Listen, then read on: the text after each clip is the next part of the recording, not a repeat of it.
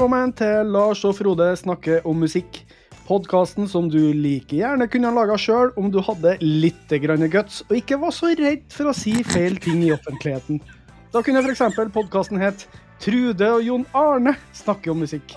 Og så ville verden i hvert fall snurra rundt deg i et par timers tid, og du ville følt litt på et snev av kreativitet. Men nei da. Du foretrekker å la to tomsinger fra Sandefjord og Grong ta scenen fra deg. Og så får liksom dem sitte og si hva som er bra musikk eller ikke. Ja ja, sånn kan det gå. Velkommen skal du uansett være, og som du da skjønner, må jeg være enten Lars eller Frode. Ja, det er jeg som er Frode. Fossvold Gjørum.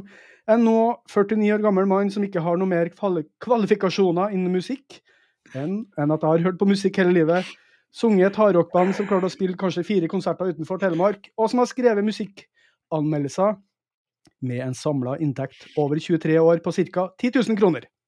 Men det kunne ha vært Lars Berg Holtan, som ikke før i 2021 innså at det gikk an å samle favorittlåtene sine for et år i en såkalt digital spilleliste. Men han er jo folkets mann, og folkets mann Hvordan går det på Sørlandet i dag? Ja, det, det, er den beste introen du har hatt. Det der var kjempegøy, Frode. Det var siste gang. Jeg tror ikke jeg skal ha noen intro mer. Ja, nå, må du, nå må du gi deg, nå må du legge opp på topp. Det der var helt fantastisk. Det går, det går kjempefint på Sørlandet. Eh, jeg har ikke noe å følge opp med etter det der, altså. Rett og slett. Men uh, har vi hatt noen musikalske opplevelser siden sist, da? Husker du det? Nei jeg, nei, jeg har fått sjekka ut et album vi skal snakke om etterpå. Det er det eneste uh, musikalske opplevelsen siden sist. Det er en tørke i musikalitetsbransjen akkurat nå. Ja, da vet vi det. Ja, som Lars sier, så skal vi i dag for første gang ta for oss uh, ukas lyttertips, eller bare lyttertips, sånn, men det blir ukas lyttertips siden jinglen jeg allerede hadde laga i 2021, heter ukas lyttertips, så da blir det ikke lyttertipset, det blir ukas lyttertips. Selv om vi uh, annenhver uke. Jeg vet ikke hvordan det funker. Det blir ikke ukas lyttertips. Da burde vi ha episode hver uke, Lars. Jeg vet ikke hvordan det fungerer språklig sett. Jeg er ikke så nøye med det. Um, da skal vi snakke om uh, 'Eksil i Storgata', albumet som Jon Olav Hovde ga ut i fjor. Uh, mer om det senere. Men i dag skal vi snakke om de beste låtene fra 2003. I hvert fall uh, ut fra hva vi syns var de beste tre låtene Nei, tre låtene. De beste låtene fra 2003. Det var flere enn tre låter i 2003, for å si det sånn. Jeg fikk store problemer, Lars. ikke med å finne låter men å begrense meg. For jeg hadde noen helt fantastiske låter liggende. Jeg har ei spilleliste nå med 49 spor som jeg, jeg måtte plukke fra. Eh, og jeg forbeholder meg retten til å putte inn alle de 49 i spilleliste, vår felles spilleliste, for det der er så bra låter at jeg må med uansett, sjøl om jeg ikke nevner alle nå. Men eh, 2003. Hvor var du i 2003? Jeg vet hvor du var, men kan du røpe det igjen, eh, sånn cirka hvor du var? Jeg var på den plassen vi to møttes, eh, Frode, nemlig Bø i Telemark. Jeg var student da på ja, altså tredje året. Jeg begynte jo i 2000, så det er jo matematikk, det. Um, og jeg var på et musikalsk sted der jeg var nok en god del snevrere enn det jeg var, er nå. Jeg var i rock, grunge selvfølgelig, som alle som har hørt oss før. Jeg var i um, britpopen. Jeg hørte litt på hiphopen. Eh, men jeg var eh, ganske snever, for dette var jo som de som har fulgt oss en periode, tida da jeg eh, blei brei i musikksmaken, det var jo det å engasjere seg på studentkroa i Bø. Møte andre musikkinteresserte, være scenevakt i det musikalske miljøet der.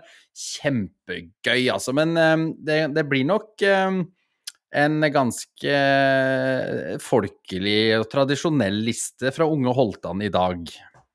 Ja.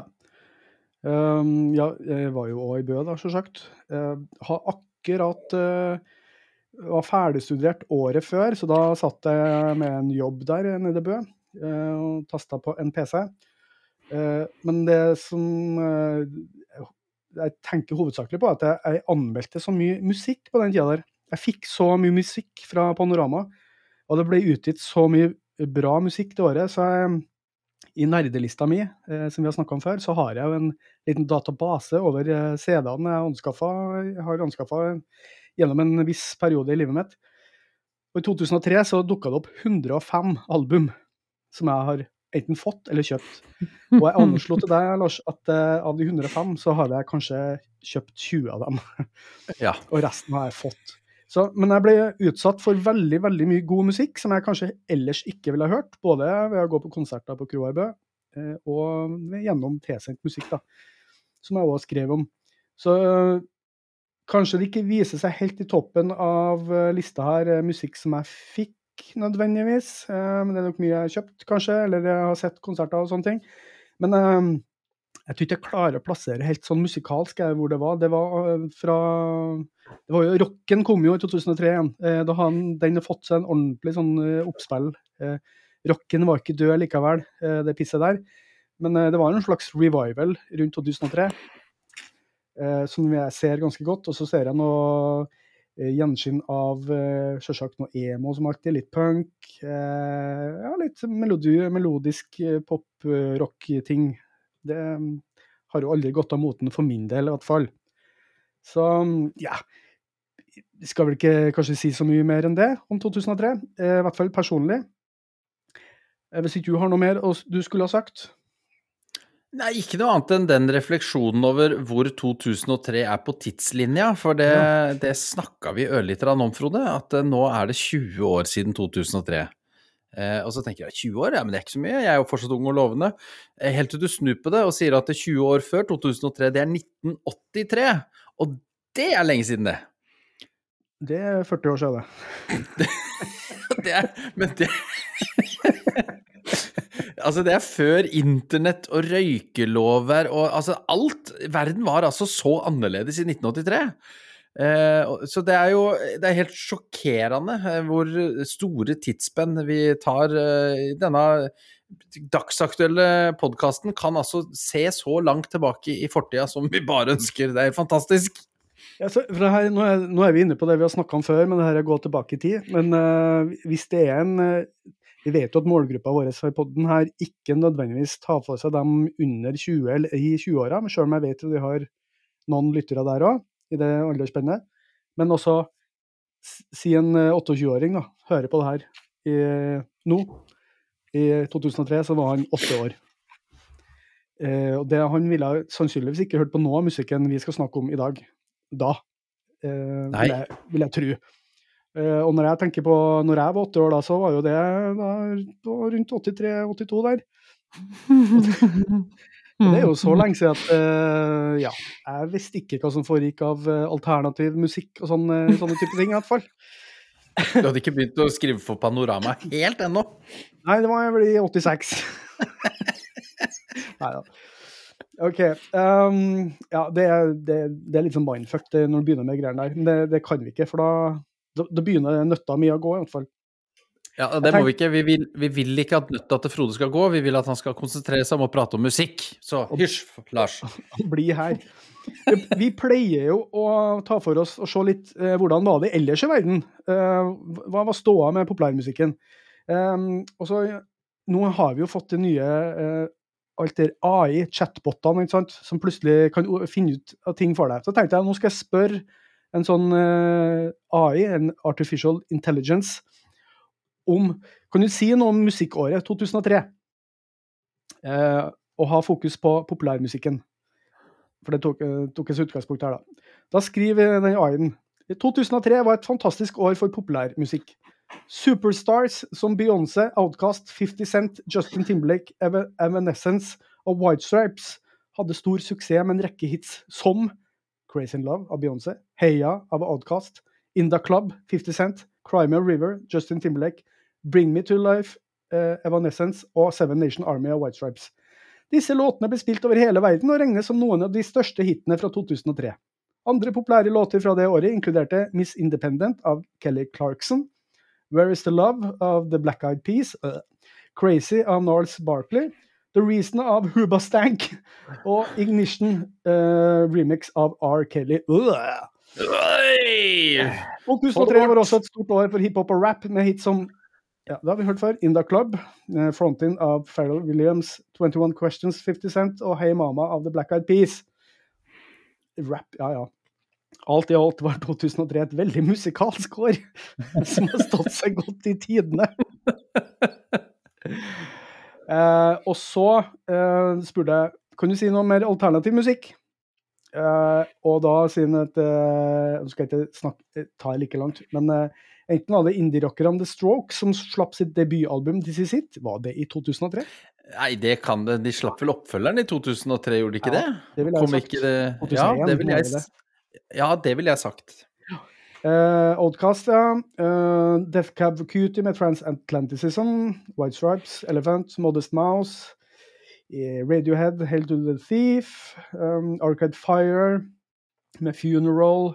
En av uh, Eh, favorittalbumene til bla, bla, bla. Um, viste seg virkelig å bli et fantastisk år for musikalsk. Uh, for, totalt sett.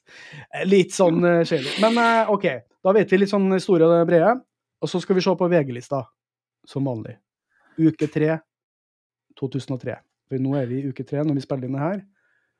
Da, jeg har lyst til å høre Du gjetter igjen, jeg. Hva tror du ligger sånn Nå har jeg topp 20 her, da ja, men nå, jeg, jeg bare, nå, blir jeg nervøs, eh, Frode, fordi at jeg syns den der eh, roboten din var jævla god, jeg.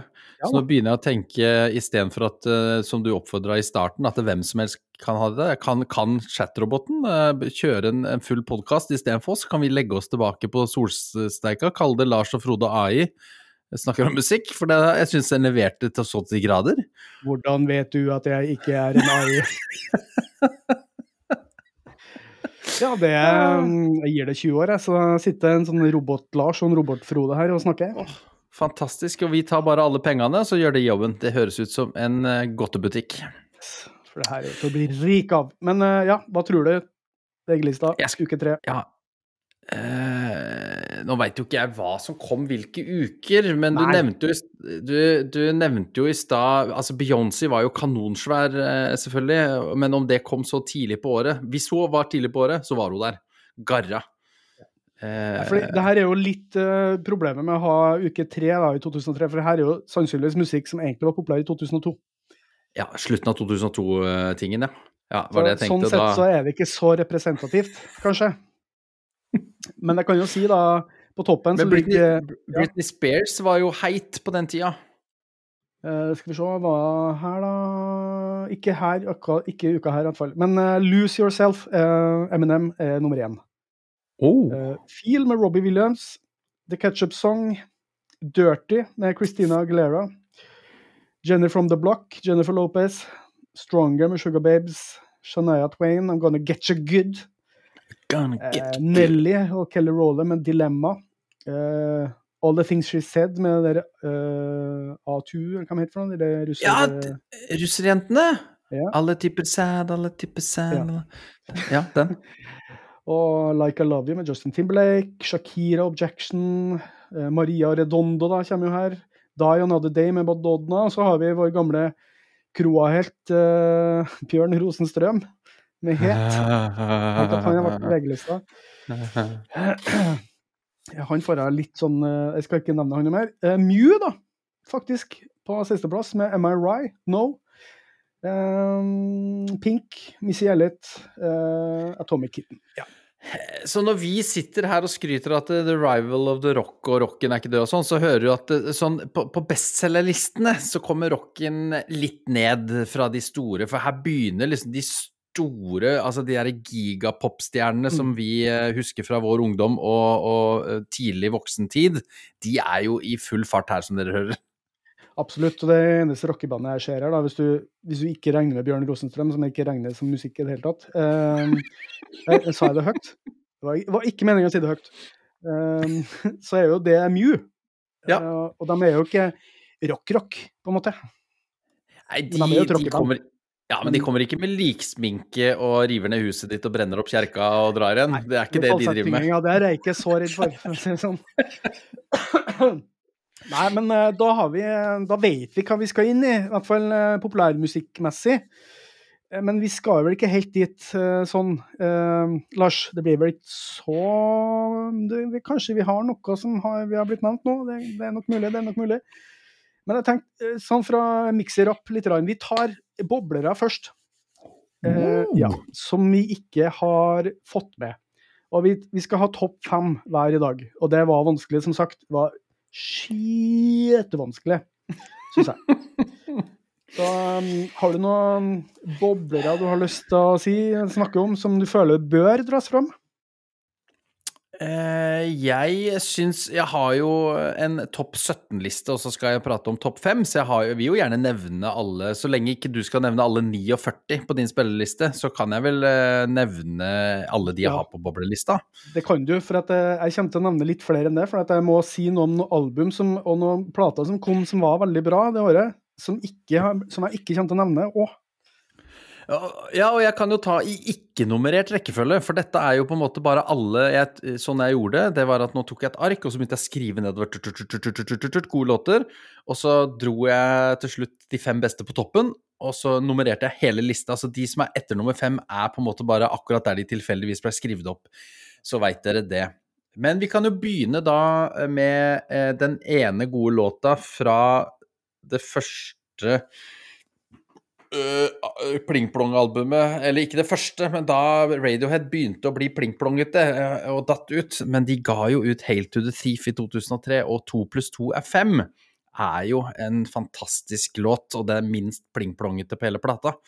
Uh, og da, det er jo Radiohead på, om ikke sitt beste, så i hvert fall høyt, høyt uh, oppe. Og da er Radiohead gode, altså. De er det. Men ikke godt nok til topp fem. Eh, jeg kan jo dra opp eh, våre norske venner i Turboneger. Uh, og der har jeg valgt meg ut Fuck the World, men det er jo en plate full av glede, det altså. Men Fuck the World, det er noe eget med den. Det er noe, bare Tittelen i seg sjøl er jo kanskje den kuleste tittelen jeg veit om. Det er, det er, så Fuck the World, da.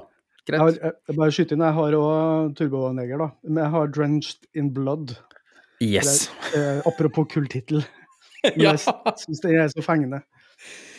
Eh, og så har jeg dratt opp en uh, singel fra album som kom i 2004, men det er The Killers Mr. Brightside. Singelen ah. kom jo i eh, 2003, og det er jo en fantastisk uh, poprocklåt som en kan bli veldig glad i. Det visste jeg ikke det var fra 2003. Det ville jeg kanskje ha lurt på, ja. Mm. Ja. Eh, nei, det var sånn, og det er jo alltid det der når vi skal sette opp beste låter fra det året, så kommer kanskje album året etter, men så har de hatt et singelslipp året før osv. Det er alltid litt sånn kukkent, men uh, ja. ja. Og så må jeg si det, um, noen vil kanskje tenke når man ser spillelista og ser gjennom at ja, men her står det jo feil år, det her var jo ikke 2003. Jeg vil i hvert fall si at jeg har kontrollert veldig greit eh, med at fysiske album som kom ut i 2003, de har jeg full koll på. Men det står feil på enkelte album på, og låter på strømmetjenester. Hvorfor det er sånn, det vet jeg ikke, men eh, jeg har alt midt på det tørre, for jeg har jo min nerdeliste. Excel-arket til Frode ljuger aldri. Nope. Eh, og så har vi jo selvfølgelig kanskje verdens mest ihjelspilte låt etter hvert, men samtidig en av de kulleste Albumet heter Elefant, eh, bandet heter White Stripes, låta heter Seven Nation Army. Den er jo dritbra, men den lider under ihjelspilling i mine ører, så derfor kommer den ikke opp på topp fem. For egentlig fortjener den topp fem, skal jeg være helt ærlig. Syns den er dritkul. Jeg, jeg, jeg, jeg hadde og um, uh, Nå står det helt stille for meg. Så stoppa hjernen min.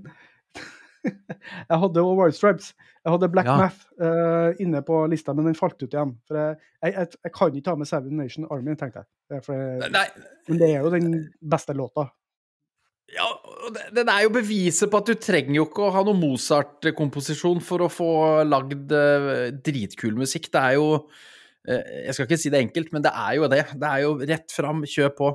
Eh, fet låt. Og så skal vi til Norge. Nå kommer det noen norske på rappen her. Eh, faktisk fem på rad. Tulsa Doom, Kick Me. Eh, fra plata med det lengste tittelen jeg nesten veit om. And Then Take You To A Place Where Jars ah, Are Kept. Det er 2003, ja. Ja. Og akkurat låta Kick Me, den kommer fryktelig høyt på mine lister over norsk rockemusikk, altså. Ja. Eh, jeg skrøt jo fryktelig av Tulsa Doom etter å ha sett, endelig fått sett de nå på Måkeskrik i, i 22. Det er jo Hva skal vi med utenlandsk eh, Queens of the Stone Age når vi har norske Tulsa Doom, altså? Det trengs ikke. Også, også med den fantastiske tittelen eh, Why do you keep on watching the porno after you come? Som åpningslåt på det albumet. Ja. og så til noe helt annet i den norske sfæren. Ralph Myers and The Jack Harran Band Kommer med et special album. Nikita og Think Twice. Begge låtene er for meg eh, høydepunkter. Samme, samme. Eh, Thomas Dybdahl var jo i, eh, i oktobertrilogimodus og ga ut Stray Dogs, og der er Cecilia en perle av de sjeldne hva gjelder popmusikk. Ja. Johnny Onkel P begynte å røre på seg og ga ut singelen Hvem faen? Som er en deilig, deilig unge, unge ambisiøse hiphopere som skal vise at Lillehammer er mer enn eh, OL. Det er kult. Og så ikke minst, eh, og det er litt irriterende at ikke de kom seg på topp fem, Span! Eh, ja. For plata Mass Distraction kom jo ikke før 2004. Eh, men den ah. var spilt inn i 2002, og så var det noe sånn politikk og noe eh, problemer eh, fordi at det leste jeg om. Jeg var helt sikker på at den kom i 2003, så jeg ble kjempelei meg. Men så, fordi at det er visst noen sånne regler, for det ble forsinkelse i noe, i noe trøkkeprosess, og så var det regel, du har ikke lov å gi ut Nye artister har ikke lov å gi ut album siste fem-seks ukene av året den gangen, i hvert fall. For da skal du ikke ødelegge når disse gamle eh, fallerte stjernene kommer med sånne julesingler. ja, det, det sto på internett! Sånn var det med plateselskap, ja. Mm. Ja, så, så, da blei hele plata skyvd til februar 2004. Men de ga jo ut Found som singel i 2003, og Found er jo en megafet låt. Og, og jeg må si jeg var på, jeg husker Span Det var kanskje sånn at det oppvarmingsbandet stærte kanskje hele showet, men uansett, uh, på kroa i Bø der. Men, men, jeg må si men, men. Ja, gjør det, gjør det. For det var ditt band, Frode. Det var det. Uh, men Span, Mass Distraction-plata, er uh, et høydepunkt i norsk rockehistorie, men det fortjener mer omtale hvis vi skal noen gang prate om 2004 eller noe sånt noe. Mm. For det er litt juks, syns jeg, å dra det inn. Uansett, eh, så skal vi til Mew, Am I Right? Eh, listetopp, eller liste på lista der i stad, fra Frangers-plata. Fantastisk plate! Eh, eh, pipevokal over litt sånn svulstig, drømmende rockemusikk. What's Not To Like fra Danmark, altså. Jeg har vært på konsert med de på Roskilde. Da var det god stemning i det grønne teltet, altså. Da var det kjempestemning. Eh, to til før du skal få ta over, Frode, og da er vi over en i det mer grønnsjete. Pearl Jam ga ut Lost Dogs, denne plata med B-sides og tidligere uutgitt materiale. Der er låta Sad et ordentlig høydepunkt, et outtake fra Bineural. Litt rart at uttaket fra plata er bedre enn alt det de har trykt inn på den plata. Så det kan jo hende at de ikke var ved sine fulle fem på den tida. Og ikke minst, de som faktisk blei skyvd ut i siste lita, de var på lista helt til sist, og det, så de, de er en reell sjetteplass. A Perfect Circle. Um, yeah, de kom jo med 13th Step. Jeg syns jo ikke den plata er i nærheten av like god som Mer de Nams, som kom et par år i forveien, men The Outsider-låta, The Outsider, er uh, Perfect Circle akkurat som den skal være. Begynner litt uh, rolig, litt sånne store gitarer, og så kommer bassen, og så drar det av sted, og du koser deg. Uh, ja. Så det var mine boblere. All right. Hvis du henger med fortsatt, så er vi, er vi fortsatt bare på bobla. Uh, vi har ikke begynt på lista ennå, så hvis du lurer Her er en plass skal jeg legge inn pausemusikk, så folk får pusta litt.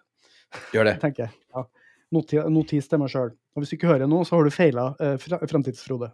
Eh, hilsen Fortids-Frode. Eh, ja, eh, jeg skal jo Jeg må prøve å holde meg kort her. Eh, men den låta som akkurat ikke dere kommer, som jeg ikke skjønner hvorfor ikke kommer, som er på en offisiell sjetteplass, er et, uh, et, band som heter Som jeg tror er svensk, jeg er ganske sikker på at han var svensk, som heter Surrounded, med en låt som heter On Top of the World. Det er sikkert ingen som har hørt den låta, men jeg elska den låten den gangen. Og jeg hørte den igjen nå, 20 år senere, og bare Å, herregud, for en bra låt. Eh, det er en litt sånn nedpå-låt. Eh, melankolsk låt. Um, masse sånn støygitar, på en måte. Men, men ikke Nei, det er feil. Det er fuzzgitar, men det, det, er ikke sånn rocke... Men det er mer sånn, litt sånn lag. Liksom lag. Og den har noe sånn gitararbeid som er, er en veldig rolig vokal, men det er noe eh, gitararbeidet der er helt fantastisk. og helt, helt, Den bygger seg opp med mot slutten. som er, ja, det er helt nydelig låt. Og så har jeg jo selvsagt, som er litt rart, ikke kommet lenger opp, da, men jeg har jo Furia, det bandet som jeg da personlig hadde en sånn uh, løfte fram uh, på den tida her. Jeg ville ha dem fram. Jeg var num fan nummer én, drev nettside og hele tatt. Uh, de trodde jo at jeg var gal, sikkert, en periode før de ble kjent med meg. Men uh, det har vi snakka om før. Uh, da er det Liv fra debutplata deres, And Then We Married The World, som står på Spotify, fra 2005, men det er den ikke. Den er fra 2003. Og der kunne vi jo hatt med mange låter, men min favorittlåt er Liv pga. den nydelige, nydelige bassen til Majavik som går der.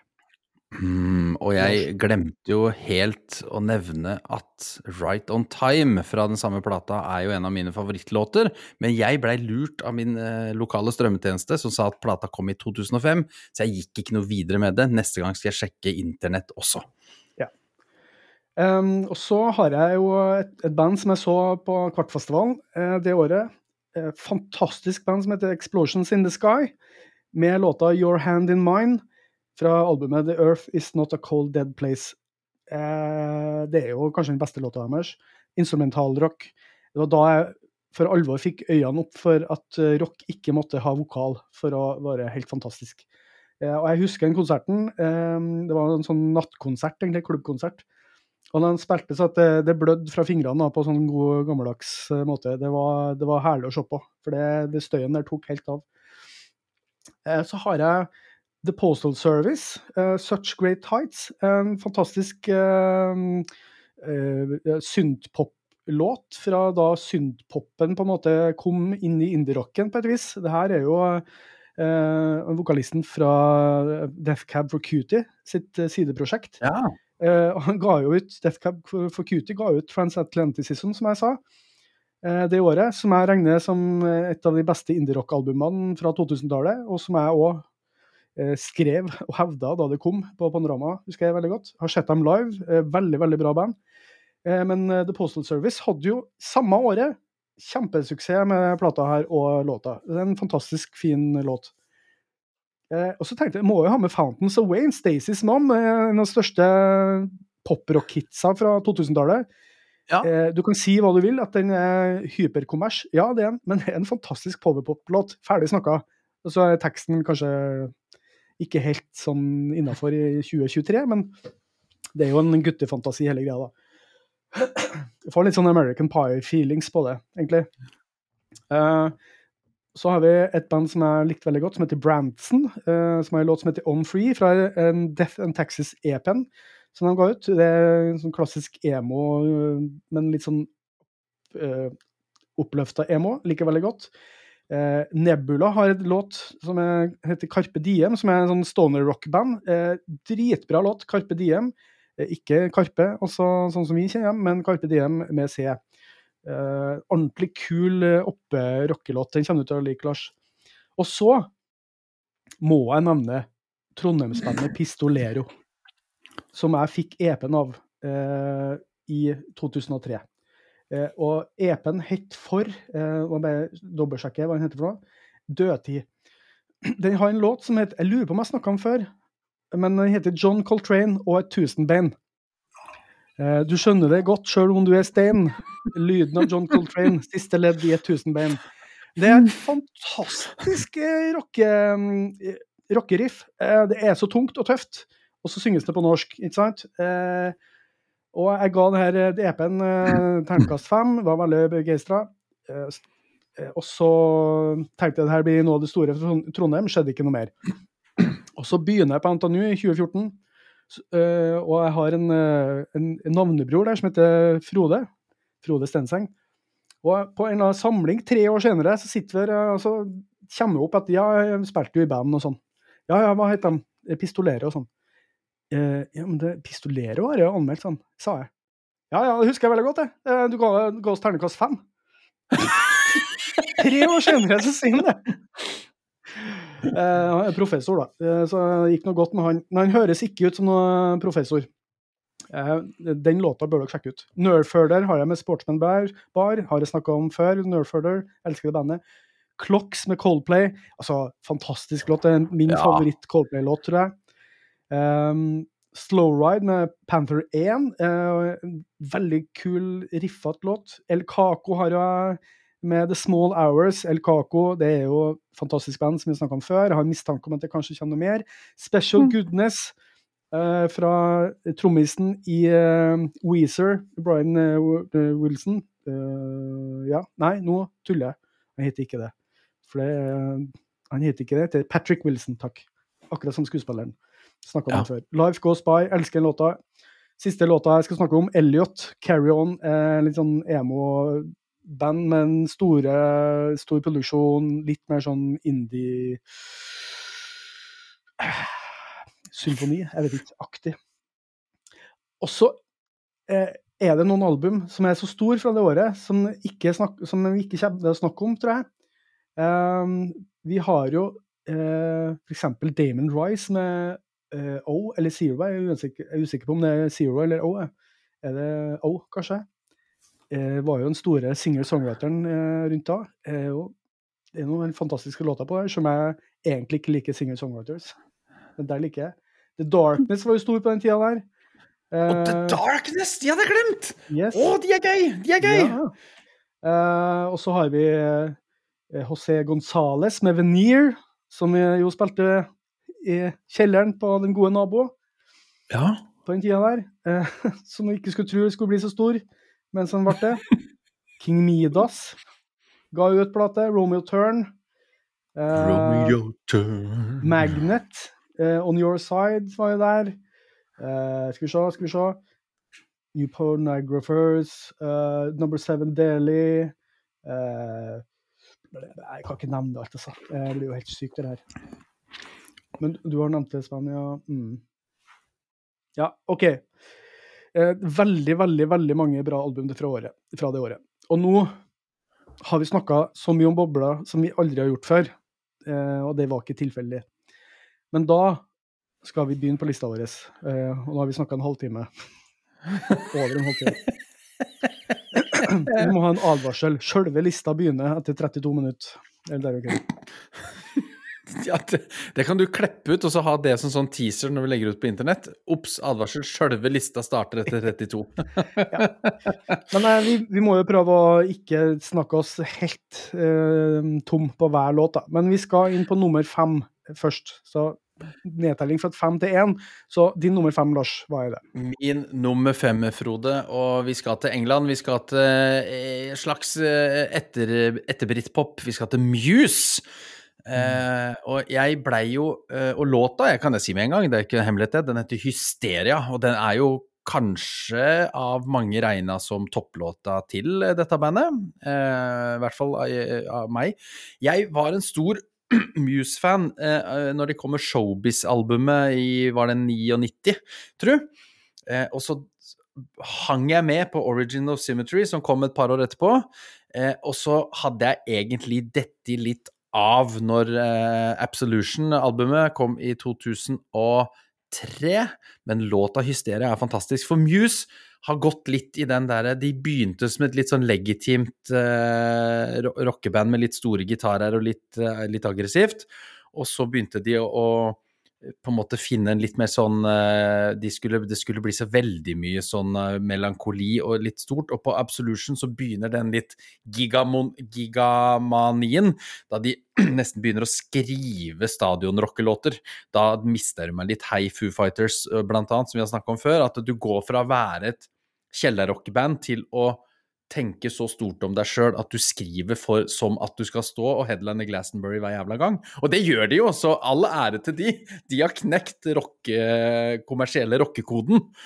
Eh, eh, og Hysteria er jo første skritt eh, på denne veien. Det er en veldig stor låt, noen veldig store litt sånn eh, Det begynner å bli litt sånn elektronika-sound over gitarene som før var mer klassisk rock. Men det er en fuckings fengende låt, altså. Jeg klarer ikke noe annet enn å sitte og jodle med når den kommer på Når den kommer på Jeg har den ikke på CD, så den må komme på radio eller strømmetjeneste, men det hender jo den dukker opp der, for jeg er glad i, i Muse. Og jeg hører ganske ofte på, på, på Showbiz-albumet ennå. Og da kommer den sånn, sånn i den, den, hysteria, i den derre track radio. Og det er en dritbra låt. Kanskje den mest kommersielle jeg har på lista mi. Og det skal ikke diskreditere den, for den er så god at den fortjener å komme inn. Muse, altså. Der fikk jeg det ut. 199 millioner strømmer på Spotify alene. Så Ja, sant. Ikke noe sånn liten låt. Eh, der står det for øvrig Spotify sier at det er 2004. ikke sant? Her, vi, må, vi, kan ikke stole på strømmetjenestene. Det er bare tull og fjas. Hvorfor er det sånn? Det skjønner jeg ikke. Kan vi ikke få fakta? For den kom ut 15.9.2003. Ferdig snakka. Ja, ja, ja. Bare tull. Jeg skjønner ikke de greiene her. Jeg, jeg blir frustrert. Eh, man kan ikke skrive feil ting. Eh, det blir fake news. Tullball. Muse eh, og liker Muse veldig godt. Jeg har ikke hørt på det masse, men det er jo kvalitetsband. Bortsett fra når det blir dørgende kjedelig og man går inn i ja, sjøljokkinga, på et vis. Det, ja. det er noe med det er noe med musikaliteten der som er ganske unik. da. Når de er på sitt beste, så er det liksom Ingen høres ut som Muse. Ingen kan gjøre det der sånn som Muse, tror jeg. Og, og bare den blandinga med den type musikk, også, også som er kommersiell, og har ja. bred fingerrett, det er jo helt utrolig.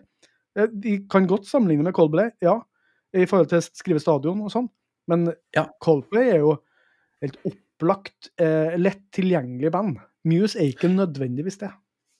Nei, for Coldplay er jo mer den klassiske gode popmelodien, gjerne med et ja. Eh, piano i bånn, mens, mens, Muse kommer jo inn med litt mer sånn Radiohead-aktig tilnærminga, med litt sånn litt alternativ rock. Eh, ja, mange nok inspirert av eh, Radiohead òg, tror jeg. Det tror jeg nok, altså. De, de, kom der litt sånn eh, Men de er blitt mer eh, litt elektroniske og sånt nå. Og det, men jeg, jeg, liker starten. Og Hysteria, som sagt, fantastisk låt, så det er min nummer fem. Og den som er eh, da, som du sa, 199 millioner. Det er mye, ass! Det er jæklig mye! Det er bare Spotify. Uh, ja, fint. Bra start. Um, jeg har uh, gått for Mew, da. på femteplass. Uh, 156. Det er min favoritt-Mew-låt. Eh, det er jo en litt sånn pussig låt eh, med at den går veldig nede, begynner veldig nede, og så plutselig går den ut i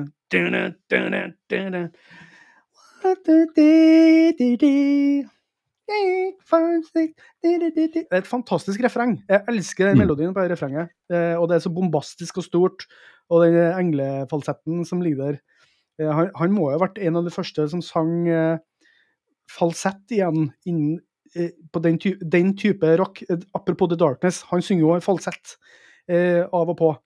Eh, jeg har Black eh, Shuck, tror jeg Darkness-låta, som er min eh, favoritt The Darkness-låt. og Da er han veldig mye oppe i falsett, og, men da går han rett ned igjen og synger rocke. og så, mm. Det er litt sånn ACDC-måten å synge på.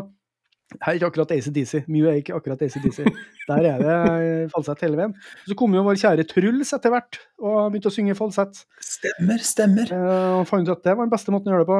Uh, og det kan funke veldig bra, og det kan funke veldig dårlig. Men uh, han, vår danske venn i Mew, han synger jo praktfullt.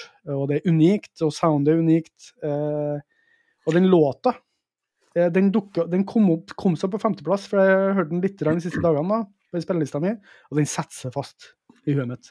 Og jeg blir, mm. sånn, jeg blir liksom dratt med inn. Så det er en sånn god historiefortelling i det, sjøl om jeg ikke aner hva den handler om. Så det, er liksom, det musikalske i det drar meg med. Og det er egentlig ja. Egentlig er de fem topplåtene mine det er sånne låter som jeg liksom føler at jeg blir bare med i. Som, og jeg blir litt sånn løfta opp på noe vis. Og det er egentlig for meg kriteriet for en topplåt, at jeg blir at det bringer meg oppover, ikke nedover. Jeg må, jeg må som, opp et hakk. Som Evanescence jo sa, 'bring me back to life'. Så, men Mew har vi jo nevnt allerede. Jeg har sett dem live, jeg òg, men det var på Kvartfestivalen. da. Jeg husker jeg sto på sida der, eh, og det var på lyse dagen. og det var full jubel der òg. Sjølsagt ikke som på Roskilde, det tror jeg ikke. Men eh, det var god stemning da. Det var, var på topp. Ja, for Poros Gilde så fikk de grønnteltet, som jeg sier, og det er jo nest største scenen der, og største teltet, og litt eh, seint utpå kvelden, så det var god stemning da, altså. Og det er interessant at vi har forskjellige favoritter. Det er vel låt én og to som vi har valgt oss ut på sporlista.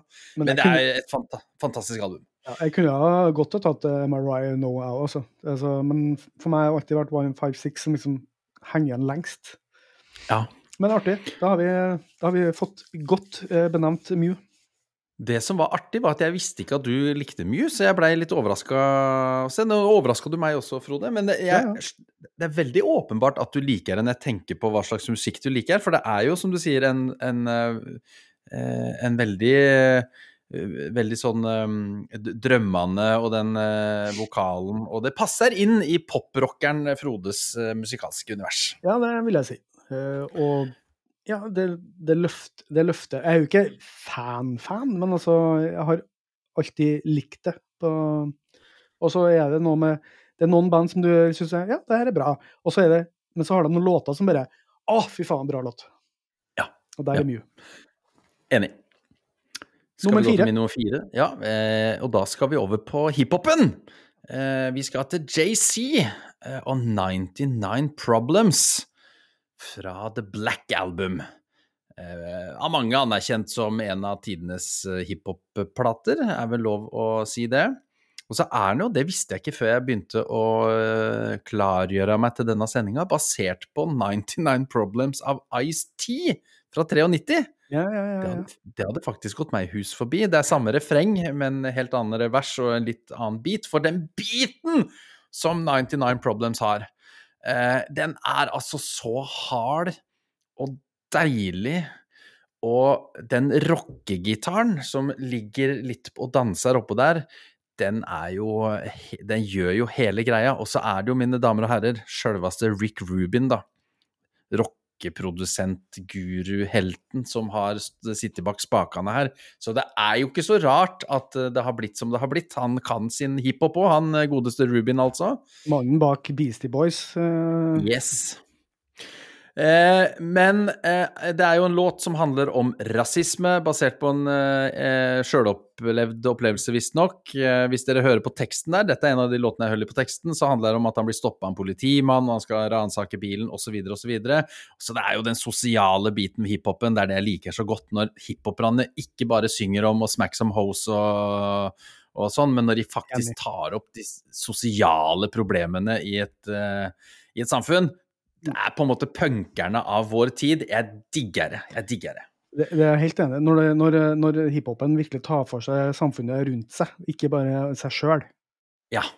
Vi har tidligere snakka mye om eh, Public Enemy, og her leverer JC i samme gata. Her er det social-opplegg eh, og en fantastisk beat. En fant og han har jo en flow som få andre har. Og jeg, er det mulig egentlig å stå i ro Eh, eh, er det mulig å ikke synge med? Er det mulig å ikke danse klønete hvis du har fått deg et par øl, eller bli usedvanlig rivig med? Svaret på alle de spørsmålene mine damer er nei, nei, nei og nei. Så 99 uh, problems, altså. If you're having girl problems, I feel bad for your son. I got 99 problems, but my bitch ain't one. Yeah. Det er hvit, hvit mann på 43 som prøver å, å rappe. Det er flaut, så nå går vi videre. ja, nydelig. Ja, men uh, eh, JC er jo på, på, en måte For meg uh, den, den jeg liker best av de her store, store uh, hiphop-artistene, rap-artistene. Det må jeg si. Uh, og, han virker òg som han har masse integritet i det kroppen sin. Så at, jeg, jeg, liker han som, som artist, selv om det på en måte akkurat faller litt utafor det jeg ville dratt med i lista her. Så jeg er helt enig, veldig veldig bra låt. Det er bare ikke noe som jeg hadde i, i sidesynet mitt da jeg begynte å lage lista. Og så er det et par bonusopplysninger til dere der ute. Eh, nummer én er jo at eh, JC eier jo det Tidal som jeg skryter veldig mye av, så nå har jeg betalt tilbake ved å, ved å få han inn her. For det, det trenger han jo. Nummer to er gå på YouTube. Eh, se, eh, søk opp Pearl Jam og JC, 99 Problems, for da får dere en mashup der eh, Pearl Jam mm. spiller WMA, eller White Male American-melodien eh, eh sin, melodien til den låta, og så rapper JC 99 Problems oppå. Og det er jævlig fett! Sånn, da fikk jeg sagt det òg. Kult. Uh, OK. Hoste litt, da. Min nummer fire er det, det bandet man skulle 100% tro var irsk, men som er fra Boston, som da er det nest beste. Fra, hvis du ikke er irsk, så er du fra Boston. Dropkick Murphys med låta 'Walk Away' fra Blackout-albumet. Det er en av de låtene på dagens liste som jeg har hørt mest på eh, gjennom alle tider, og som jeg nesten har hørt i hjel. Men når jeg begynte å høre på den igjen nå, så bare Ja, den må jo opp der. Eh, for meg er det Der Dropkick Murphys er for meg når du treffer akkurat i skjæringspunktet mellom å ha ordentlig deilig, kul punk, punkrock, men med allsang, og så får du blanda inn da det her folke, irske folketonene, eller det, det, det irske det, det, blander seg inn i det, i måten melodiene er laga. Og det finnes jo andre band som gjør det. Flogging Molly, eksempel. Eh, de har jeg ikke helt fått samme sansen for. Uh, jeg vet ikke hvorfor, men det er noe med det, De er så jæklig irsk. Dropkick Murphys er så irsk. Altså, på sånn mest harry, kule måten. Det, det, det her er gutta du ikke fucker med. Eh, hvis de står i baren, så går du ikke bort til dem og begynner å disse. Liksom. Da får du et whiskyglass i trynet, altså. Fucking Irish! og, og, her er jo um, altså her, Det er så deilig med bandet at de har eh, to vokalister. Du har en hovedvokalisten, som eh, en sånn svær brande som du skjøt som en du ikke vil bråke med, som er litt stor. Og så er det bassisten, som er enda tøffere. En liten stuttjukk kar som synger tøffest av dem alle. Eh, og så er jeg opptatt av, eh, av, politikk og det sosiale, og, og, løfte fram lokalsamfunnet sitt rundt seg. sånn. Og da må jeg ha vært så heldig å se live på Kvarten. Det var sikkert i 2003 da, eller 2002, jeg husker ikke. Eh, men da visste jeg ikke hvem de var. Så de var 2002, ja. Eh, men jeg bare, det slo jeg med Oi, det her var jo spesielt. Og det var litt sånn Da var de òg litt sånn jeg tror de var litt sånn hipsteraktig band eh, på den tida der, i Norge i hvert fall. At det var sånn up and coming og bare noe de få visste om og sånn. Men uh, nå er de jo noe av det største innenfor denne typen musikk uh, i, i, verden. Og den låta her er bare så fengende. Uh, melodien er rett på. Handler jo om livet og kanskje ikke gikk som du ville og hele tatt. og den sitter rett i fletta. Blackout-albumet er mitt favorittalbum av det bandet. Kanskje fordi at jeg hørte det først. Ja, jeg tror det. Yeah. Det er en kjent sak ofte, at det er det albumet du hørte først som du liker best. Ja. Har vi snakka om før. Men har du noe ja. forhold til Dropkick Murphys, du? Jeg er jo ingen fan, men det går jo ikke an å mislike de når du set, først setter de på. Og jeg snakka kanskje Kanskje jeg bobla de på sånn løpeliste når jeg skulle trene. Altså Shipping Up to Boston er jo en av mm. mine absolutte favoritt låter jeg, Den har jeg på den uh, spillelista som jeg kaller gira. Hvis jeg skal noe som jeg bare skal jazze meg opp, så er 'Shipping Off to Boston'. Så de er med meg eh, på et vis, eh, men jeg, ikke, jeg, kan ikke name-droppe låttitler og skiver og hva som er hvor. Jeg setter på som best of mest populære låter, og så spiller jeg meg gjennom. Ja. ja. Nei, jeg har ikke sånn uh, kjempekunnskap om alt, hele diskografien deres heller, men det er en sånn du vet akkurat hvem de er, hvor de kommer fra, obviously, eh, og hva slags type musikk de ønsker å spille, og hvordan de vil framstå. Jeg syns det ofte er veldig befriende med band som bare er seg sjøl. Og her er vi, ta oss som vi uh, deal with it. Um, og, og, og som de er så mer irsk enn irske folk. det må jo være amerikansk, da, ikke sant? Det, sånn, det finnes jo ikke mer norske eh, folk enn norsk-amerikanere, for de er så opptatt av norsk kultur og aner ikke hva norsk kultur er. Men det er ganske Nei, du... mange flere irer enn nordmenn borti der. Ja, det er akkurat som det er en grunn til at mafiaen i USA er mer italiensk enn den italienske. Det er jo akkurat sånn det skal være hele veien. Ja, ja, ja. OK, det var min nummer fire. Da må vi hoppe til nummer tre, så vi blir ferdig i kveld. Uh, ja, og da skal vi til eh, bandet Placebo, som jeg har snakka en del om før. Eh, fordi jeg er glad i disse angstfylte uh, britpop-glamrockerne, eller uh, to, to, tredjedel engelsk og en tredjedel svensk på den tida. Uh, så har de bytta litt trommis etter det. Men uansett, The Bitter End fra albumet Sleeping With Ghosts. og vi kan ta det med en gang. Albumet er skikkelig ikke bra. Skikkelig ikke bra. okay. det, er, det er nedtur, altså. Det er vel det fjerde albumet i rekka, og det er en drittplate, skal man være helt ærlig. Men til gjengjeld, altså det virker som de har samla all energien i å få ut i hvert fall én god låt. Og den er til gjengjeld eh, helt der oppe i placebo-låtkatalogen, uh, The Bitter End. eh, og, og den, den, er altså så glad. Det er en sånn erkeekte placebosk soundoveren.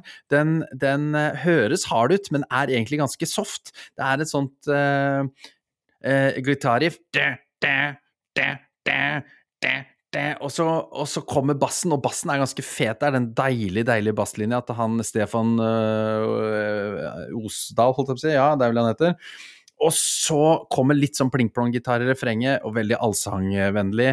Og stemmen øh, til Placebo er det vel ingen Altså, du finner jo ikke noe mer kjennetegn enn det, enn Brian Molokos veldig androgyne stemme.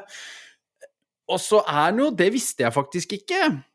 Uh, men den er jo faktisk basert på 1984 av George Orwell. Jeg har alltid lurt på hvorfor han synger om 2nd of May og sånn, men det er jo fra George Orwell sin 1984, om dette møtet mellom han uh, hovedpersonen og hun dama. De møtes jo ute i parken der. Så da datt jo brikkene på plass, da. Uh, her. Det er The Bitter End. Det kan, jo, det kan jo den boka fort uh, Det er jo en god oppsummering av den boka. og det er en jævlig fet låt, så dere kan glede dere til spillelista hvis dere ikke har hørt den før, for der skal dere få høre den uh, og kose dere med den. Ja, jeg har muta meg sjøl, for jeg måtte bare høre på låta og finne ut hvilken var det igjen. og jeg jeg har ikke noe, egentlig noe sånn, jeg har snakka om placebo før, at jeg ikke har noe sånn forhold til dem før. Men, eh, eller forhold til dem utenom at jeg syns det er bra. Eh, så jeg kan egentlig ikke uttale meg så veldig om låta sånn sett. Men jeg begynte å tenke på et, et album som jeg glemte navnet. Apropos vokalist som, altså, som ligner, og jeg har snakka om han før. Um, det er vokalisten i Lorraine og albumet The Perfect Cure, som jeg i sin tid ga terningkast seks. Den ligger også ja. på lista. Uh, og som er det her syndpop-bandet som jeg nå glemmer, eller enmannsbandet fra Bergen, som jeg glemmer navnet på. Men heter Ole Gunnar Gundersen. Han har sånn Dan Bryan-stemmen. Eh, det snakka du om sist, Placebo, og, da, da, og det albumet er jo dritbra, for det hørte jeg jo på da. Jeg har glemt navnet på det også, men jeg har lagra det i Tidal, eh, sånn at det kan jeg høre på når jeg vil. Men uh, The Perfect Cure med Lorraine uh, å, Fantastisk bra album. Det er nok ikke terningkast seks som jeg ga det, men uh, veldig bra for det. Og den låta som ligger der, Lipgloss, kjempebra. Det var ikke meninga å stjele fra Placebo der. Såpass respekt har jeg for Placebo. Ja, men de, de, trenger ikke, de, de, trenger ikke vår hjelp, så det var ikke det, altså. Men det er en god, god låt på et ræva album, så, så ta mitt ord for det. Ikke kjøp albumet, kjøp låta. Yes. Eh, nydelig. Da skal jeg ta min nummer tre. Eh, det er låta som lå som nummer én eh, da vi begynte eh, å snakke i kveld. Den som jeg dro ned på nummer tre. Eh, fordi eh, Og ikke fordi den er dårligere, eller dårlig.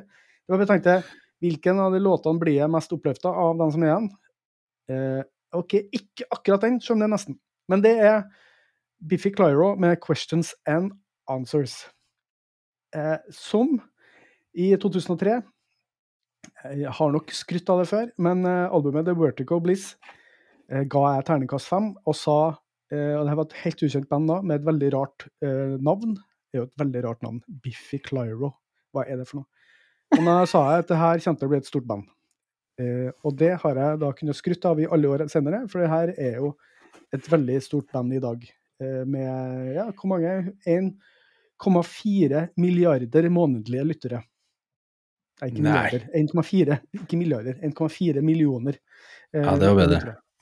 Eh, så at, ehm, eh, og Questions and Answers er den beste låta, eh, den mest tilgjengelige låta fra det debutalbumet deres. De er fra Skottland. Det er to tvillingbrødre og han som hovedvokalisten. Alle har sikkert fått med seg Biffy Clara på et eller annet tidspunkt, kanskje ikke visste at det var dem. Eh, men den låta her Yeah, you got all these great questions and all these great answers and I feel I'm walking by. Så de liksom driver og synger til hverandre, da. Og det, det er så kult, for at de er tre vokalister i bandet. Eh, og eh, det, det, er noe med den, den, den, plata her er veldig sånn De gjør så mye spennende musikalsk. De har litt sånn den derre eh, melodiøse indie-rocken, greia der, men så gjør de masse krumspring fram og tilbake og hit og dit, og det, og det har de jo fortsatt med i alle år etterpå. Så de er veldig kult band, syns jeg. Men uh, Questions and Answers er liksom den som sitter igjen, og de har liksom småartig video av henne, husker jeg. Og det sjokkerer meg at uh, det allerede er 20 år siden at den kom. Uh, det blir sånn Hæ? Stemmer det? Ja, det gjør vel det, da. Men det var en plate jeg fikk tilsendt fra Panorama. Aldri hørt om dem. Kan du, det her bandet her skal ha konsert i Bergen. Uh, det var den her på Hulen, eller noe sånt. Kan du anmelde det? Og det var jo dritbra. Og det var et dritbra band. Så da fikk jeg skrytt at jeg var pekt fram. og fikk, traff blinken på noe, i hvert fall. Jeg traff ikke så hardt på Lorraine, f.eks. På sånn at det skulle bli det nye store. Eller Pistolero. Selv om det var bra band, alt sammen.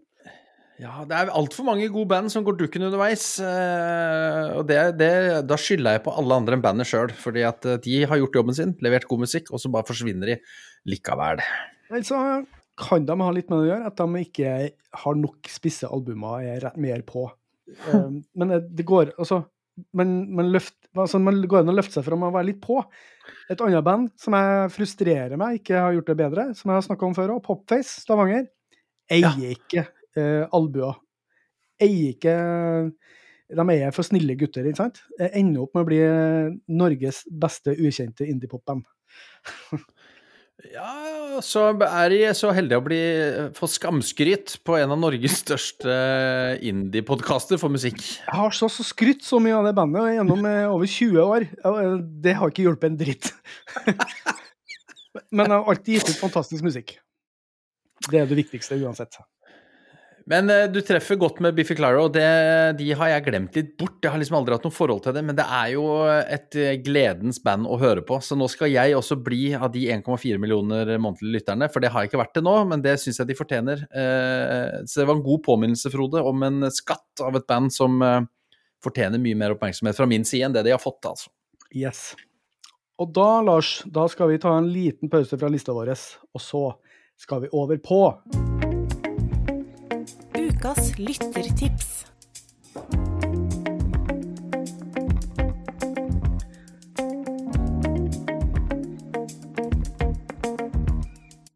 Den bare fortsatte, den. Jeg tror ikke det var noe fade på den. Eh, vi skal til ukas lyttertips. Dette er jo vår nye spalte, der vi spør dere, kjære eh, lyttere, om dere kan tipse oss om album vi burde høre på. Som vi kanskje ikke har snakka om eller fått med oss. Eh, på Facebook-sida vår først og fremst har vi gjort det, eh, men også på Instagram. Eh, så, og før jul her en gang så hadde vi litt sånn trekning. Og så ble det tipset fra Erlend Klevje Aas, en klassekamerat fra, fra Bø, mitt første år der, som er fastlytter. Han tipsa oss om Jon Olav Hovde med 'Eksil i Storgata'. Så det albumet har vi hørt på i dag, til i dag. Og vi skal, vi skal bare gjøre oss noen tanker om det. Vi skal ikke anmelde det, men altså, vi vet jo aldri hva som kommer. da. Det kan jo at, uh, at vi ikke helt plukker opp på det. Uh, at vi ikke skjønner noe av det. Uh, det kan hende at vi hater det, kan hende vi elsker det. Det er ikke så viktig. Det viktigste er at vi får snakka om det. At vi får sagt noe om og får løfta fram artisten litt mer. Så som alltid så er ikke meningene våre så viktige her.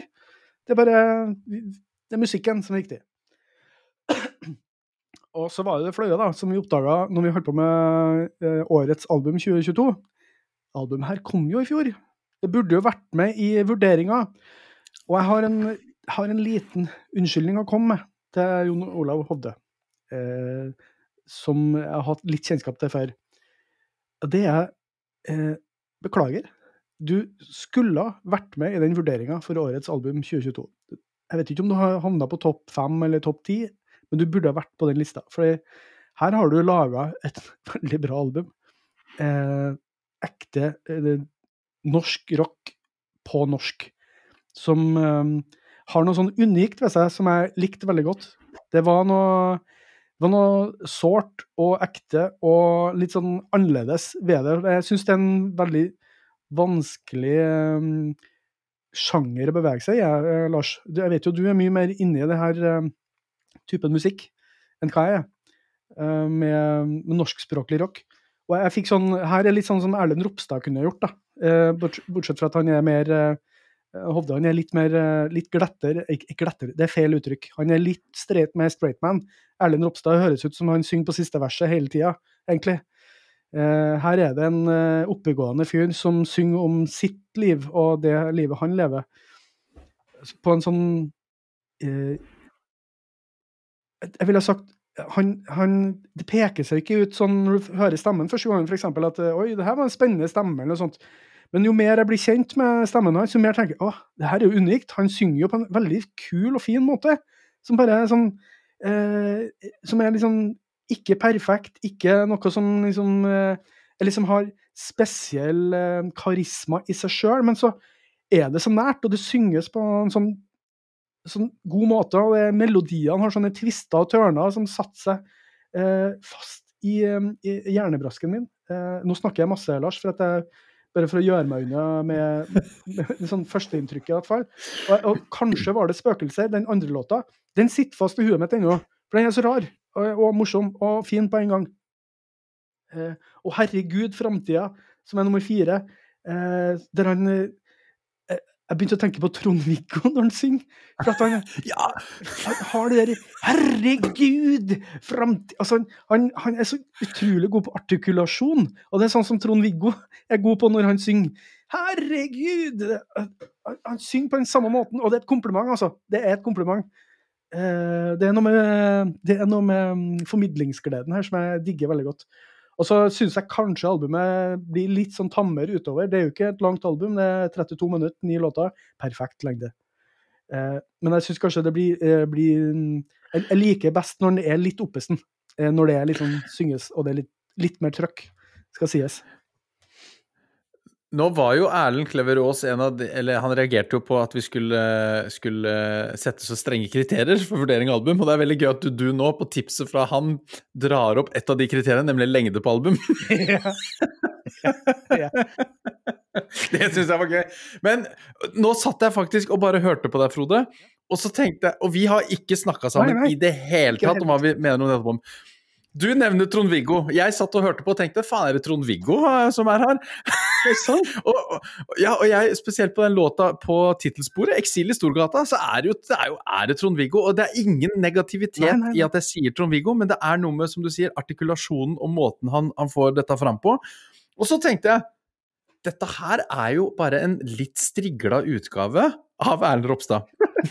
Er det sant? Det, ja, det tenkte jeg. Dette, jeg tenkte fy fader, dette er jo i den samme gata. Litt mer strigla, kanskje slår ørlite grann mer over på sånn country americana-vendinger her og der. Men det er jo basically en, en litt pønt Altså der Ropstad kommer i flanell og, og litt høl i buksa, så kommer kommer Hovda i, i, i, en litt sånn penere dress og, og, og bukse uten høl, på en måte. Men det er samme gata.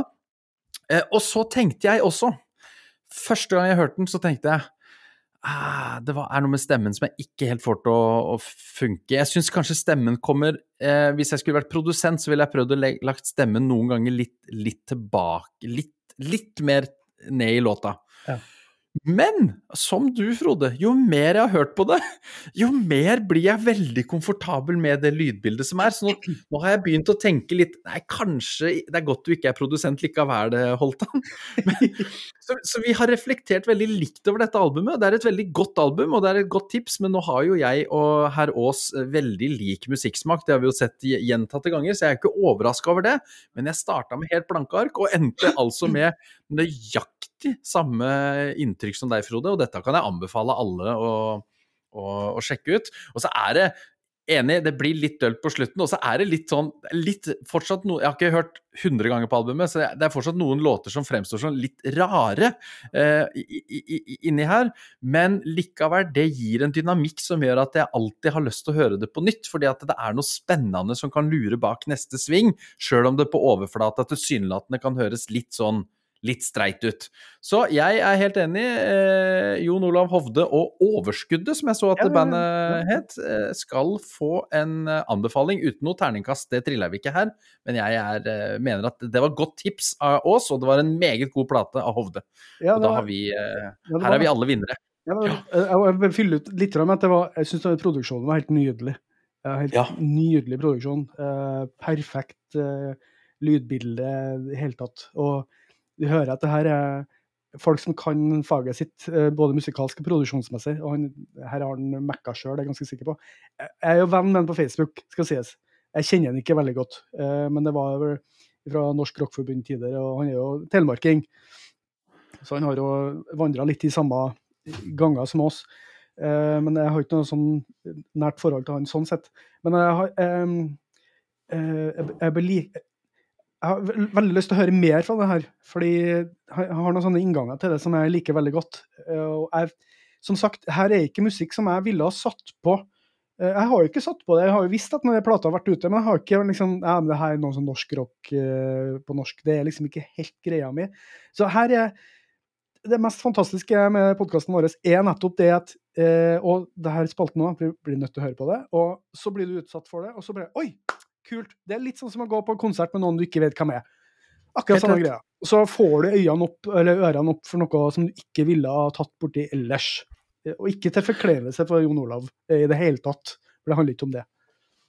Nei, og jeg ser jo at uh, jeg har jo ikke hatt tid til å gjøre mer enn å høre på dette albumet, siden det var det vi skulle høre på, men jeg ser jo at det er jo to andre album som jeg skal nå også høre på. Fanpappa og Fantomfeber fra henholdsvis 2020 og 2017. Så jeg håper jo at det er i samme gata, og jeg kan få den samme gode opplevelsen av de. Kuli. Eh, bra, Jon Olav Hovde. Men da må, Vi må jo trekke et nytt album. Ja, gøy spalte! Like, jeg, jeg liker den spalte. Favorittspalten min. Eh, Ja. Kjempegøy! Ikke sant? Nå skal jeg prøve å gjøre mange forskjellige ting på én gang, eh, Lars. Eh, OK. Eh, nå skal jeg først gjøre sånn. Hørte du det? Ja. For der, Kasta du terningen? der dukka eh, tallet fem opp. Og på tallet fem, der ligger et forslag fra Amund Romy Ranheim. Artisten heter Control Denied, med låt, nei, albumet The Fragile Art of Existence. Control Oi, Denied har- med The Fragile Art of Existence. Aldri hørt om, aner ikke hva det er. Har ikke peiling. Aldri hørt om! Eh, eh, er det da vi må google og hele tatt i sendinga, eller, eller i opptaket? Du, nå søkte jeg det opp på Tidal, og ut fra det bildet så er det en gjeng langhåra karer. Det, det lukter rock. Eh, og så skriver de med caps lock Ja. 'Control the Så det, det, nå, nå har jeg et inntrykk av at dette vil bli eh, sinna-musikk, men jeg aner ikke. Det Har du her begynt er, å snik, snik, snik, høres ut som eh, litt sånn uh, hardcore-aktig metal. Eh, Oi! Og det er fra 2010, det her plata her.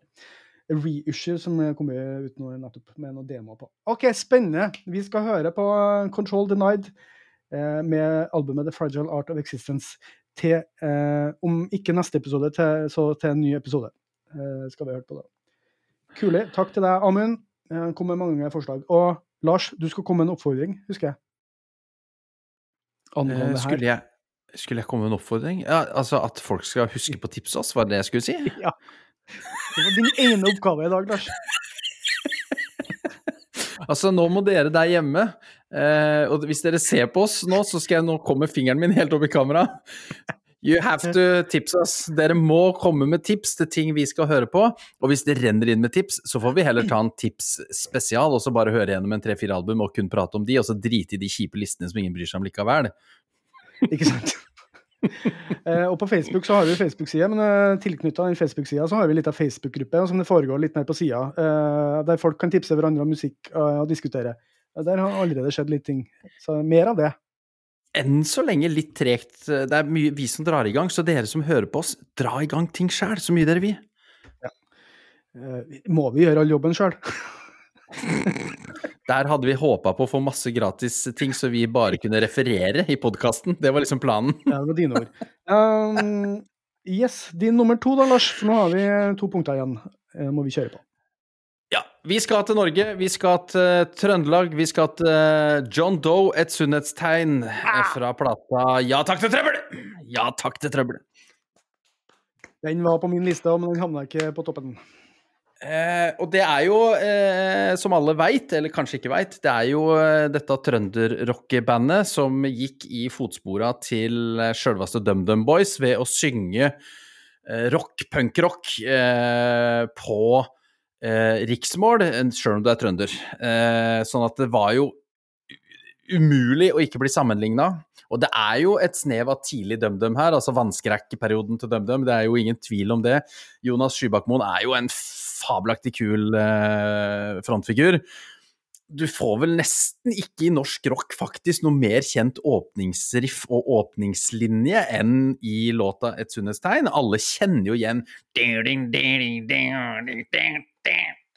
Ja, her kommer to kjappe uppercut osv. Det bomber brak, bygger Belsebub, som kommer med tinjer. Ja. Og Eh, plata er jo et høydepunkt i punkrock powerpop eh, på norsk, syns jeg. Den er jo sans, uh, veldig, veldig god. Og så er denne låta kanskje litt utypisk for plata. Den er litt tregere, litt sløyere, litt mer melodisk fengende enn resten, eller i hvert fall mye annet. Og den står litt ut, men det er bare bra. Den er i seg sjøl og i forhold til resten av låtene en ordentlig, ordentlig godbit. Den passer inn i den uh, plata, og den kommer midt i cirka. Var vel singel også, om ikke jeg husker helt feil. Og det er en usannsynlig fin godlåt til både hverdag og fest, og jeg anbefaler sommertid, bil, ned med vinduene, bånn gnu, eh, både på gasspedal og høyttaler, og kos deg med et sunnhetstegn, og syng med så høyt du kan, så kråker og måker og toppløse damer skvetter ut av veien foran deg. Det er som jeg skulle ha sagt det sjøl. Ja. uh, nydelig. Altså, det her er min, kanskje min favoritt-John Doe-låt. Uh, jeg elsker produksjon og gitarene, og at det er litt sløyt, og det er lekent ly lyrisk ja. sett. Og jeg syns de gjør utrolig mye bra her. Altså, jeg digger når de tar ned tempoet. Jeg syns ofte John Doe er ekstra spennende. Også at de begynte å synge på trøndersk, som de, har gjort de siste par-tre platene. Stemmer. At, de uh, drar ned tempoet, syns jeg ofte passer dem godt. Eh, pussig nok, for at jeg vil jo ofte ha det fortere, hardere, høyere, sånn som nullskattesnylterne eh, sier fra 2003. Eh, og fantastisk låt. Fortere, hardere, høyere. Nei, eh, digger den låta. Eh, hvor mange konserter med John Doe har vi ikke sett til sammen, uh, Lars? Det er ganske mange. Det, begynner å bli en del, og vi nevner igjen denne fantastiske trønderhelga i Bø. Var det Nei, det var 05 kanskje, når DumDum kom tilbake igjen etter en liten hiatus. Ja. Mm. Eh, da John Doe spilte i kjelleren på Den gode nabo på fredagen. Og så var DumDum Boys på kroa på lørdagen. Det er en av de beste trønderfestene jeg har vært på i hele mitt liv. Men nå har ikke jeg vært på DDE. Beklager. Det er ikke sant. Nei, altså, hva, eh, vi tør ikke si mellom John Doe. En av de beste norske rock, norsk, rockebandene fra de siste 20 åra, eh, tør jeg påstå. Ja. Og tidlig ute med å anbefale dem òg, sjølsagt. Men det trenger vi ikke snakke om nå, for da blir det sånn skryteliste. Det gidder vi ikke. Jeg har skrytt nok òg. Jeg blir flau av meg sjøl. Bra band. Bra band. Mm, OK, vi skal til min nummer to. Som er et band som ingen har hørt om. Dette er mitt minst kjente band, tror jeg, i dag. Eh, men det er en låt som jeg alltid har elska. Eh, det er vet, eh, en duo som heter for The Format, og en låt som heter The First Single, You Know Me, i parentes. En nydelig powerpop-låt fra debutalbumet deres. Og kan du gjette hvilken låt som var første singelen deres? Det var den låta her. Den heter The First Single. Eh, men uh, de blir jo aldri noe av, det gjengen her. Jeg ga det her, jeg tror jeg ga det her som toppkarakter til plata her. Og det er jo veldig sånn rett i fleisen. Hvis du liker Jimmy Eat World, Weezer, litt sånn sommer... Altså fuzzpop med litt sånn sommerfeeling på, da er det her innafor. men det er kanskje Det er nok den låta her som står seg Ja, det er jo den låta her som står seg aller best. Men det jeg skal si om uh, The Format, det er at han ene duden, da, som heter vel Nate Roos, tror jeg han heter, Han starta et band senere, ble med et band senere som heter For Fun. Fun, punktum. Eh, fordi at sånn band gjør når de er indie-rock-band. Og de har jo hatt en number one-hit på Billboard som heter for We Are Young i 2010. Og jeg vet ikke om du husker den låta, men uh, Tonight we are young Ja, i den stilen der. Jeg klarer ikke helt å gjengi den sånn på øret. Jeg syns det er en litt døll låt. Eh, og jeg syns ikke stemmen hans så, passer så godt. Eh, men det er jo en kjempesvær hit. Eh, og den hadde de sammen med hun som heter Janelle Monet. Hva heter det de har hatt flere sånne småhits senere. Så mye, han ble jo ganske suksessfull i etterkant. Men The Format, The First Single, You Know Me, eh, var kanskje min favorittlåt i 2003. Og det var en ordentlig sånn sommerlåt. Dro rundt eh, i Bø der eh, med den klassiske telemarkssommeren som nesten bare er sol, for det ligger jo inne i et høl der eh, skyene ikke kommer til. Eh, det blir varmt og godt, um, og man kan høre på sommerpop, som jeg kaller det der. The Format. En nydelig låt. Nydelig låt. Og det refrenget er bare og det er håndklapp, og det er koring, og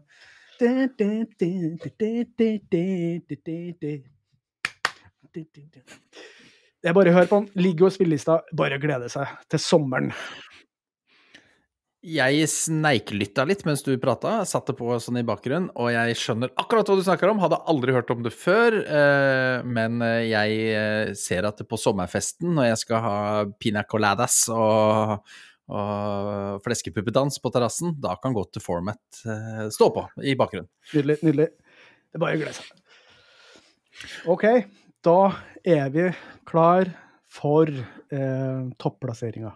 Hvem får gullet i dag, Lars?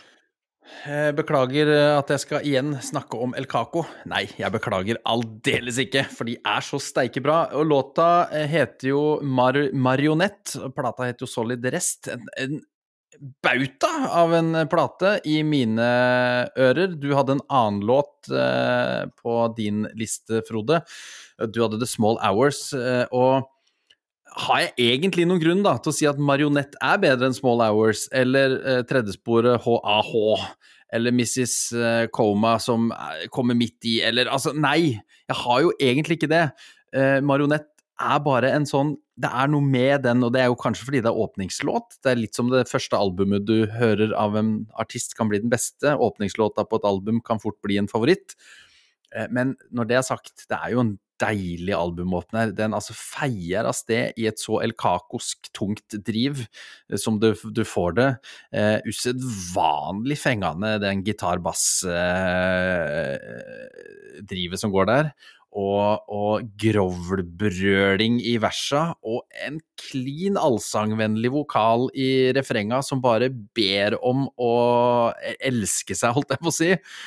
Har jeg skrytt av El Caco før? Ja, det har jeg. Eh, kommer jeg til å gjøre det igjen? Ja, det kommer jeg til å gjøre mange, mange ganger. For El Caco det er en norsk nasjonalskatt, og nå har de jo begynt å røre på seg igjen. Så jeg håper jo at eh, min eh, livslange drøm om å se El Caco skal gå i oppfyllelse snart, det skal jeg sørge for å få til. Det er bra. Det, det slår meg igjen når jeg hører på El Caco da, i forkant av episoden her, at herregud, så feit lyd de har. Altså, det ah, fy fader. Altså, det er så stort. Da mener jeg feit i bokstavelig talt. Det drypper jo olje og ja. Eh, steikefett av de greiene her. Er, ja. det, er så, det er ingen som høres ut som det der. Ingen. Nei, og, det er, det, er så, og det, er så, det, er så, deilig kompromissløst. De bare ruller av sted. Dette er El Caco, du hører det milevis unna. Og det, det har vi snakka om før, det, der, det, er jo ikke nødvendigvis all verdens variasjon fra album til album her. Nå har de gitt ut en sju stykker eller noe, det høres jo dønn likt ut, men de har funnet formelen. Og de bare ruller At det er så deilig. Ja. Er, for min del er nok det her mitt favoritt uh, Ja, er det? Jo, det er kanskje det. Det er kanskje mitt favoritt-El Caco-album. Jeg tror kanskje det. The Search er jo, Search er jo ganske bra, det òg, men uh, ja, jeg tror det er det her. Solid Rest. Ja, jeg nevnte kanskje sist jeg pratet om El Caco, men eh, jeg kjøpte den på platekompaniet i Trondheim, så det er en liten link til Trondheim. Jeg var jo i militæret der oppe i Eh, nei, da, nei, det var jo ikke i forbindelse med militæret. Det var når jeg var på en eh, Seimen-konsert i Dødens Dal i 2005. Så ja. stakk jeg innom platekompani i Trondheim, og så hadde jeg endelig noen kroner til overs og fikk kjøpt den på CD, denne Solid Rest. Et par år etter den var gitt ut, selvfølgelig. det skulle ikke være lett på den tida. Ja, interessant nok, da The Search uh, står jo også som 2003, men det er jo 2005. Uh, Nettopp. Så strømmetjenestene er helt uh, uberegnelige og umulig å stole på. Eh, jeg, og jeg skyter inn til slutt. Jeg tror kanskje ikke bare det er et av mine favoritt El Caco-album, eller at det er mitt favoritt. Det er også et av mine favoritt-norske album gjennom tidene. Jeg syns det er et veldig, veldig bra album, og Marionett, åpningssporet, er Ja, er, den var egentlig litt soleklar når jeg først uh, fant ut at den var fra 2003, skal jeg si, være helt ærlig. Så uh, gratulerer, gratulerer, gratulerer til El Caco. Gratulerer eh, dere i El Caco får eh, dele førsteplassen med et annet norsk band. Tenk det, Lars! Oi! Dobbelnorsk! Eh, eh, og folk som har hørt på det her eh, podkasten, tenker at ja, Frode er ikke så glad i norsk musikk. Det er jo helt feil. Eh, det er bare at det har dabba litt av de siste åra. Så når vi snakker om uh, nyere norsk musikk, så er jeg ikke like med som jeg var på en tid her, for da hørte jeg og så så mye norsk musikk at det, det drauper jo nedover eh, hodet på meg. Og jeg vil, løf, jeg vil løfte fram eh, bandet som ble starta på kroa i Bø. Der vi har vår, vår fødsel, egentlig som ekte musikkelskere, Lars. Der ble òg ja. Surfer Rosa født. Eh, og i, eh, i 2003, ikke 2004, som det står på strømmetjenestene, så kom albumet 'Shanghai My Heart'. Og på den låta der så er det jo mye, mye gull. Du har Lucky Lipstick. Du har um, Neon Commando. Uh, du har Panorama, som jeg syns er en veldig passende, jeg, uh, passende låt for den tida i livet mitt. Saturday Night. Men uh, min favorittlåt, Surfer Rosa-låt, er låta som alltid løfter meg. Og det er grunnen at de løfter, løfta seg sjøl opp til førsteplassen i dag. På grunn av at jeg altså, blir så godt humør av å høre Satin Con Blonde. Altså, det er med synten, det er med trøkket og gitaren, det er med kaukinga til Mariann. Eh, der er jeg helt sikker på Hun synger 'Having a Good Times With The Rabbits'. Når hun begynner å synge. Men hun synger ikke det. Hun synger 'Having a Good Time With The Robots'. Men der er det så mye energi som skal ut. Så uh, det blir 'Having a Good Times With The. Rabbits! Og det er jo et praktfullt refreng på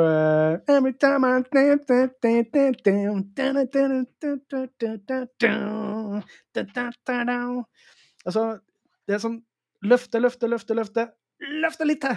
Jeg blir så godt humør av låta her. Og den setter seg fast. Og bare blir der og koser seg. Jeg, jo, jeg har sett Surfer også, jeg vet ikke hvor mange ganger, og de var liksom aldri mitt favorittband. Men de var alltid så gøy å se. Eh, de var alltid veldig opptatt av eh, eh, å gjøre bra liveshow. og de var så deilig uredd i det de holdt på med, som var veldig unorsk. spesielt på den tida der. Og Mariann Mariann Rosa er jo helt unik i det her norsk rockevokalist-sammenheng. Hun er jo spesiell på alle vis, både vokalmessig og scenemessig, og, og på sett vis som person. Men, men eh, og det er det som måtte løfte det her til, fra å være et sånn kult syntrock-band til å bli noe enda mer. For at det her, det, her, det blir spruta over av glede. Uh, Surfer Rosa har fått uh, hvorfor, hvorfor, Hvor ble det av Surfer Rosa?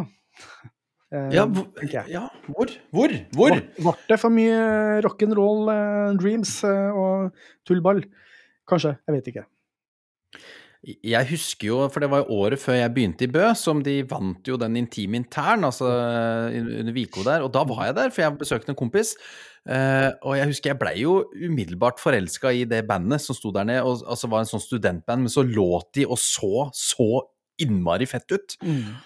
Eh, og Så begynte jeg i Bø, og så bodde vi i en sånn tomannsbolig. Vi var tre oppe og tre nede. og så skal, trenger vi ikke nevne navn, og sånn, men da hadde hun Mariann noe litt sånn på gang med han ene i første etasjen der. Ja. Så da var jeg litt uh, Så nå kan jeg si at nei, hun skal, jo, nå, nå, skryter jeg på meg et ukjent at hun kjenner jeg, fordi at hun har jeg sagt hei til fire ganger på det forspillet og sånn.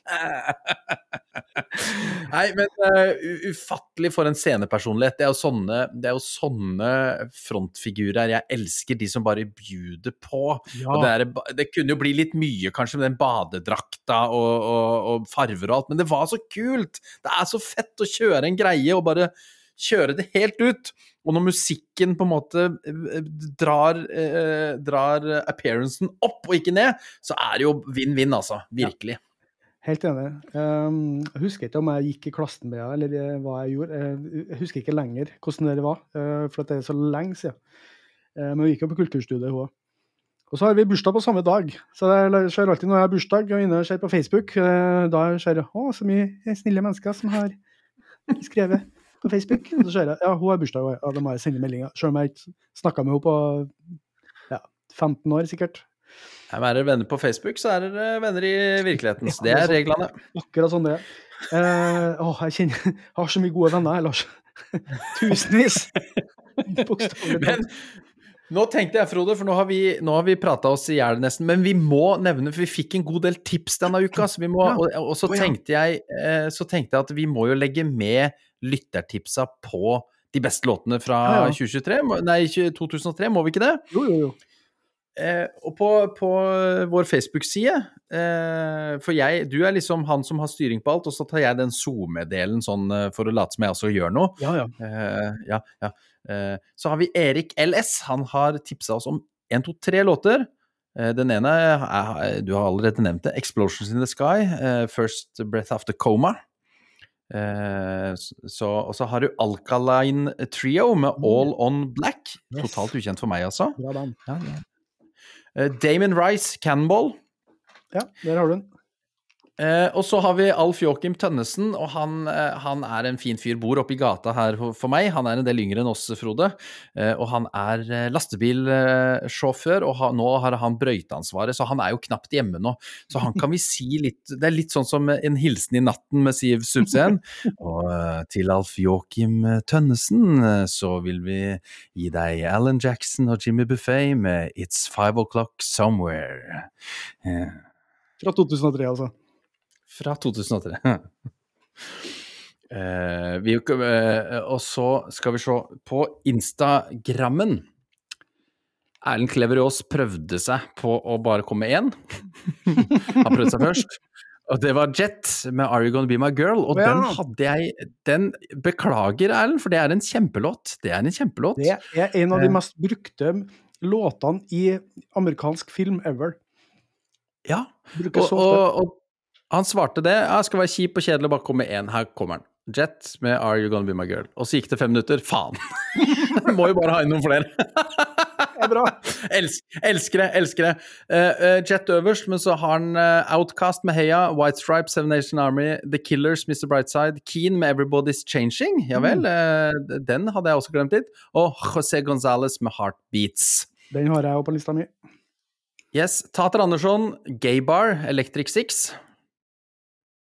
Uh, Ole Mosseby uh, har Fuck the World med Turboneger, og uh, Rancid, ja, Rancid selvfølgelig, med Travis Bickle. Uh, Trilyle er vel Laila som gjemmer seg bak det. Rancid, Fall Back Down. Og så har vi Harry Halvorsen. Han skriver Corazon. Jeg regner med at det er El Corazon. Halden. Espen Holtan. Bø. Du husker fyren og bandet, antar jeg? Yes, yes. I Found God in the Yellow Pages. En nydelig ja, låttittel. Og et er, nydelig band, faktisk. Ja, og du er ikke i slekt med Spenn, sånn?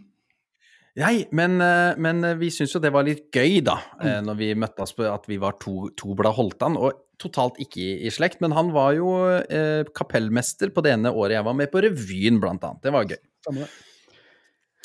Ja, der var vi gjennom.